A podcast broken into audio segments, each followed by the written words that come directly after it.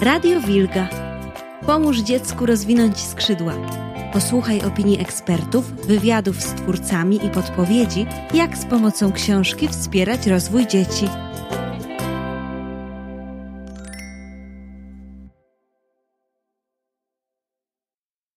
Witajcie w kolejnym odcinku Radio Wilga.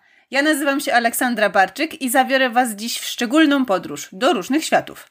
Fantastyki, magii, ale także kryminału i komedii.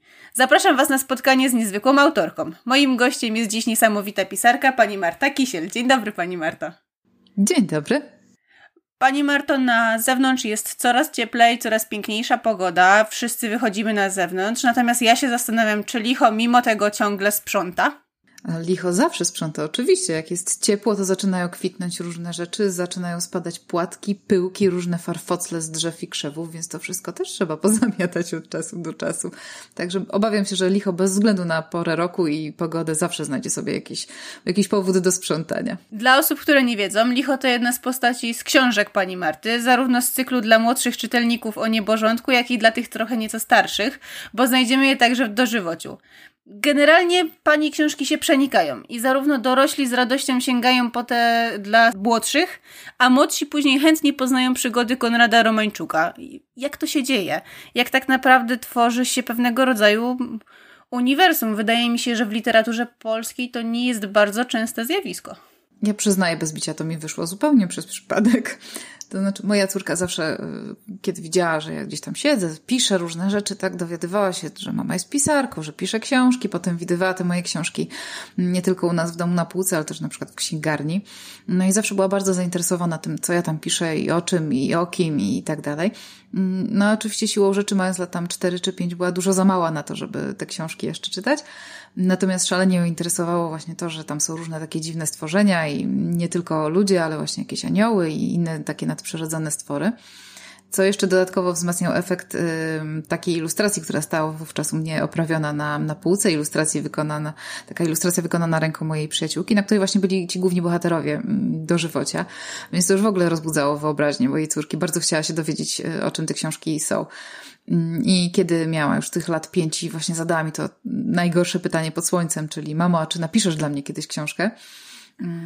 To tak sobie pomyślałam, że w zasadzie no to, tam mam gotowych bohaterów, takich właśnie zdolnych przyciągnąć i przede wszystkim utrzymać uwagę młodszego czytelnika, tak? Bo jest mały anioł stróż y, z uczuleniem na własne pierze, który jest, y, no może istotą nadprzyrodzoną, ale ma naturę taką typowo dziecięcą, tak? Jest ciekawe, jest naiwne, mm, jest, y, jest bardzo poczciwe i dobre i ciągle wpakuje się w jakieś terapaty, tak? Są te utopce, są różowe króliki, jest mnóstwo takich różnych mniejszych lub większych potworów, które są może wyglądają strasznie czasami, tak?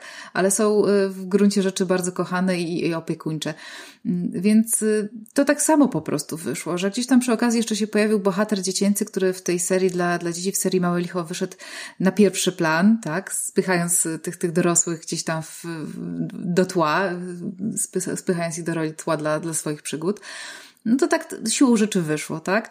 Natomiast y, tak sobie teraz na, na, na, to patrzę i myślę sobie, że to jest właśnie coś fantastycznego, bo mm, rodzice, którzy czytają te moje dorosłe książki, tak, tak zwane, mhm. i bardzo je kochają, bardzo kochają licho, mogą teraz tak troszeczkę naturalniej właśnie wciągać swoje dzieci w ten świat, tak? Przedstawić im tych bohaterów w tekście bardziej dopasowanym do takich potrzeb czy oczekiwań mm, dziecka. A potem, kiedy to dziecko ma już tych lat powiedzmy 10, jest w stanie już sięgnąć na przykład po dożywocie i sobie poradzić z tym tekstem, to może to zrobić, jeżeli uzna, że tęskni za tamtymi bohaterami i chce się dowiedzieć na przykład, co było wcześniej, dlaczego, y, skąd się w ogóle w, w tych moich książkach dla dzieci wziął taki Wojtek albo taka postać, to jak najbardziej wtedy może to zrobić. Tak troszeczkę mi niechcący wyszła po prostu taka hmm, seria łącząca pokolenia, jak to, się, jak to się ładnie mówi. Ale rzeczywiście nie wiem, czy, czy istnieje druga taka seria w literaturze polskiej, przynajmniej tej współczesnej, która by coś takiego robiła, ale ja od razu, tak jak mówiłam na samym początku, przyznaję bez bicia, to wyszło mi zupełnie przypadkiem. I tak właśnie, drodzy słuchacze, pisze się serie, z których się nie wyrasta. Tak, tak, to, to po prostu wychodzi samo. Ja, ja tutaj tylko robiłam za bezwolne narzędzie. Natomiast nawiązując jeszcze do licha, to jest takie trochę stworzenie, którym nas straszono w dzieciństwie i trochę nie dowiedzieliśmy do końca, czym jest. Ja pamiętam, jak tata zawsze troszkę tym lichem mnie lubił postraszyć, że uważaj przyjdzie licho i rozwali towarzycho i różne takie inne dziwne, dziwne mm, sformułowania. Skąd pomysł, żeby z takiego stworzenia zrobić jedną z najbardziej uroczych postaci polskiej literatury dziecięcej? Licho kiedyś funkcjonowało, rzeczywiście w tych wierzeniach jeszcze takich słowiańskich dawnych, mm, a potem e, w, zachowało się gdzieś tam w wierzeniach ludowych. Obecnie mamy je tylko zachowane w zasadzie właśnie w tych takich różnych powiedzankach do licha, tak, cicho, bo przyjdzie licho i tak dalej, tak. Też też się oczywiście z tym jako dziecko mm, stykałam. Natomiast y, to wyszło troszeczkę przed przypadek. To znaczy, ja wiedziałam, że w tym dożywociu, tym pierwszym, pierwotnym, jeszcze w opowiadaniu sprzed wielu, wielu lat, naprawdę już wielu, mm, że będzie tam anioł stróż, że będzie taki właśnie mały, dziecinny e, i chciałam, żeby on był właśnie rodzaju nijakiego, żeby nie był, e, nie był przy, przypisany do żadnej konkretnej płci, żeby to nie był ani chłopiec, ani dziewczynka, tylko to licho, tak samo jak to dziecko, tak? Mhm. Żeby nie było w ogóle postrzegane przez pryzmat jakiejkolwiek płci. I szukałam właśnie imienia, które by to oddało, które oddałoby te, te, te jego rodzaj nijaki, tę bezpłciowość, a przy okazji byłoby właśnie takim imieniem pasującym do istoty nadprzyrodzonej. A że to licho mi się tak od razu nasunęło, jeszcze przy okazji dodało właśnie ten taki, tę taką przewrotność, którą ja bardzo lubię, tak? No bo licho było przecież w wierzeniach istotą psotną, ale istotą demoniczną, tak? A tutaj mamy anioła stróża. Więc ta przewrotność jeszcze tylko mi się dodatkowo mm, spodobała i to wszystko się ładnie złożyło w jedną taką zgrabną, zgrabną całość. Mm, więc y, to, to, to raczej, że tak powiem, troszeczkę mojego takiego polonistycznego skrzywienia, mm, plus po prostu odrobina, odrobina szczęścia. Ale bardzo mi się ten efekt podobał, nie ukrywam i wiem, że na przykład y, licho jest często przywoływane właśnie przez różnych badaczy języka polskiego, skupiających się właśnie na końcówkach, na rodzajach y, i oddawaniu rodzajów w, w językach, nie tylko w polszczyźnie. Jest tam przytaczane często właśnie jako przykład współczesnego użycia rodzaju nijakiego, jeden z nielicznych naprawdę. E, I tutaj, tutaj z tego czerpię taką podwójną satysfakcję jako pisarka i jako polonistka. Cieszę się bardzo, że to też jest zauważone przez pasjonatów tematu. W swoich książkach pokazuje Pani jeszcze coś, czego nie ma w, w literaturze polskiej. Tak jak mówiliśmy wcześniej, że takie uniwersum, które jest międzypokoleniowe, jest bardzo rzadkie, to jeszcze jest jedna bardzo rzadka rzecz, której wydaje mi się, że każdy troszeczkę się boi. Mianowicie poezja. Bo to nie jest gatunek, za którym dzieci przepadają i, i myślę, że troszkę szkoda, że nie przepadają. Natomiast pani wplotła jej klasyków i Goethe i Mickiewicz nam się tam pojawia, romantycy swoją drogą. I czy to jest taka sprytna próba przemycenia, zanim szkoła zrazi tym wszystkim dzieci? Ja tutaj troszeczkę się nie zgodzę. Dzieciaki są osłuchane z poezją. Jakby nie patrzeć, y, od tego się zaczyna y, przede wszystkim y, czytanie dzieciom, tak? Od tych nieszczęsnych, jeszcze wiekowych często wierszyków, ale nie tylko współczesnych też. Dzieciaki takie młodsze bardzo lubią poezję, bo poezja jest rytmiczna, tam się rymuje, łatwo się zapamiętuje, tak? Więc, więc to jest coś, co im bardzo szybko wpada w, w ucho.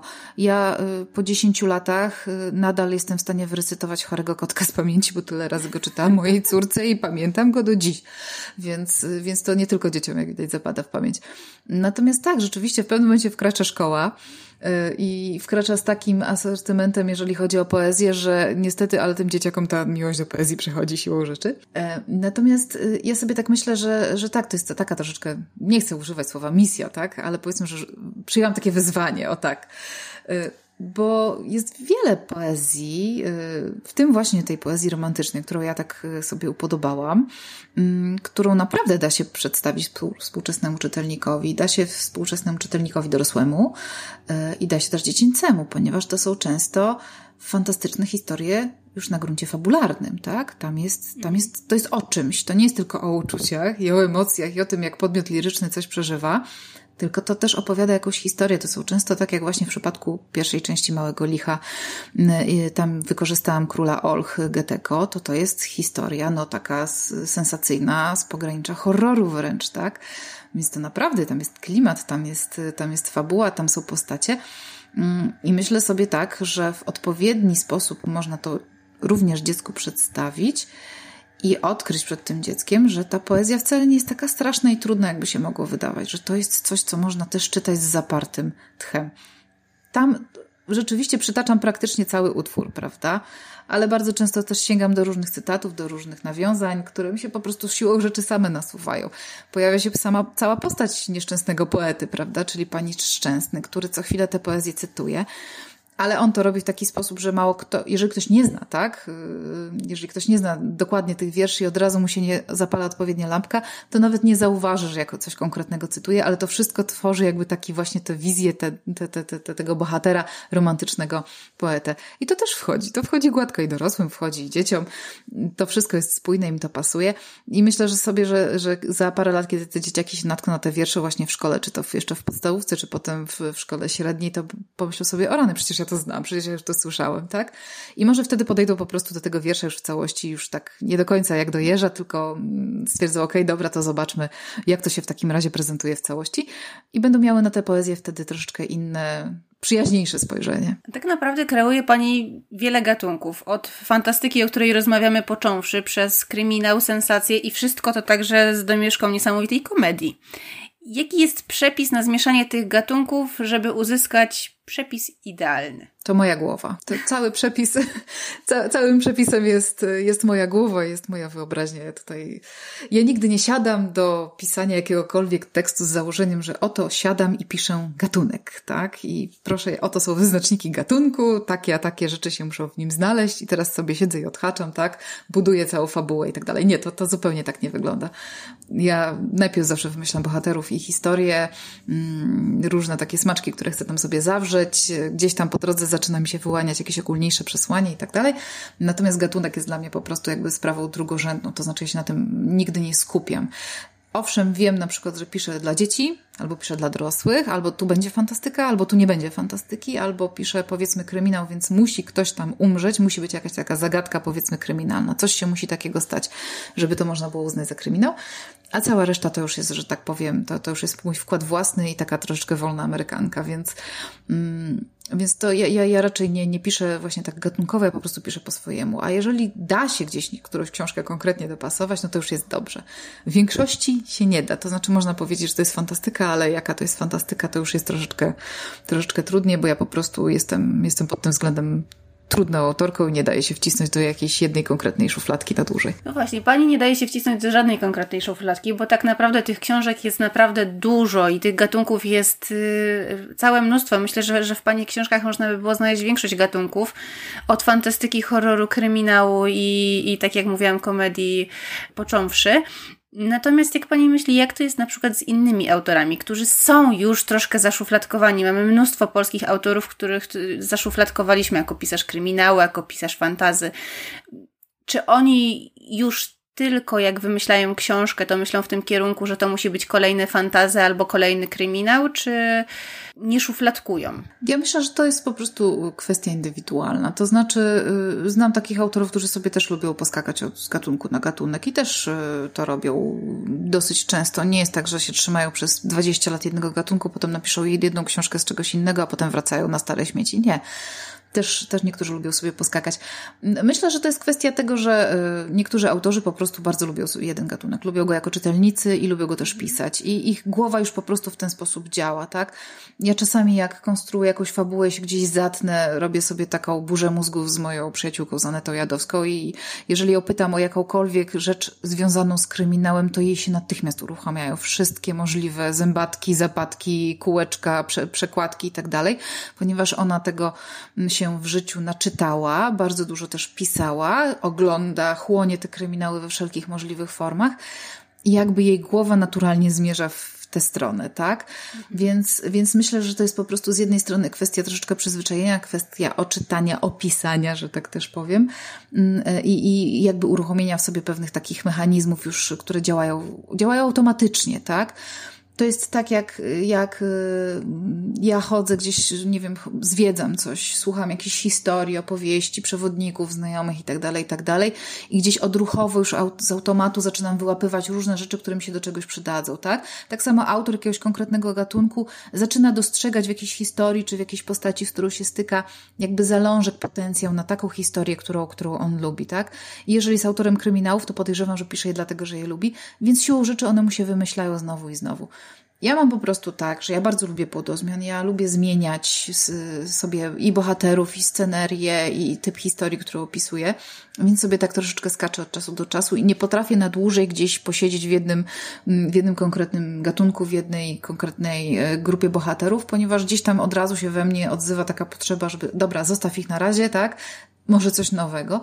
I, i e, więc siłą rzeczy też szukam, troszeczkę tak sobie skaczę z kwiatka na kwiatek i szukam z różnych, e, z różnych tonacji, z różnych e, gatunków, z różnych historii. Natomiast też już pewne odruchy mam, tak, więc zaczynam gdzieś dostrzegać potencjał, a to na historię dla dzieci, a to na, na komedię kryminalną i tak dalej. Także to myślę, że to jest kwestia z jednej strony naszych osobistych, naszych pisarzy, też pragnień takich czytelniczo-pisarskich, z drugiej właśnie jakichś przyzwyczajeń i takich już pewnych schematów i mechanizmów, które mamy coraz lepiej mm, wypracowane. Wiemy, że uniwersum pisze się samo, natomiast y, jak to jest z seriami? Y, czy kiedy wpada na Pani na pewien pomysł y, książki, od razu Pani wie, że to będzie cały cykl, czy to wychodzi po czasie, po tym jak skończy się jedna z części i przychodzi Pani pomysł nagle na kolejną?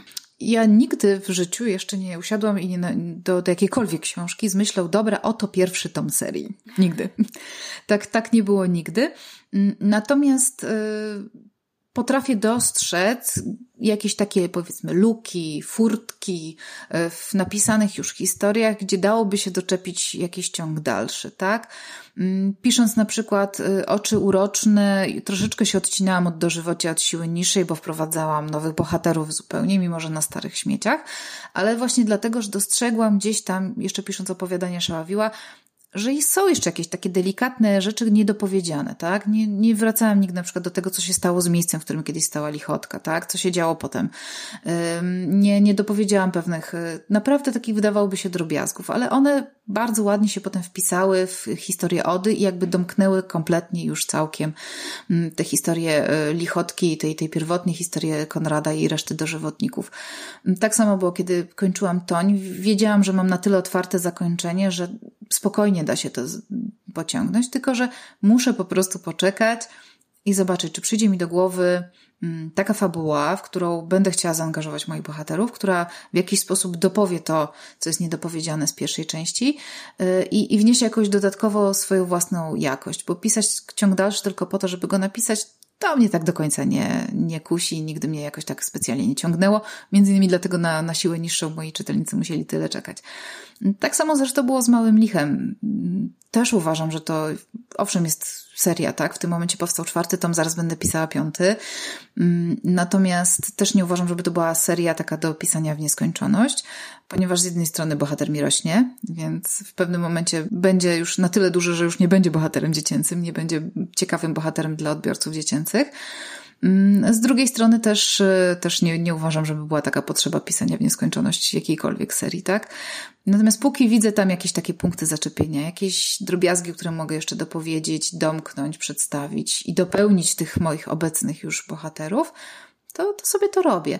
Ale to mówię, to nigdy nie przychodzi z góry, to jest coś, co ja potem widzę, kiedy staję sobie z boku, widzę tą moją historię, patrzę na nią, mówię, o dobra, to tutaj jeszcze jest taka furteczka, mogę tutaj jeszcze mm, przez nią doprowadzić jakiś ciąg dalszy. Ale jeżeli tej furteczki nie widzę, albo przede wszystkim nie widzę potrzeby, żeby jej szukać, no to tej kontynuacji jakiejś bezpośredniej żadnej serii z tego wtedy nie ma. A zdarzyło się zostawić sobie furteczkę świadomie?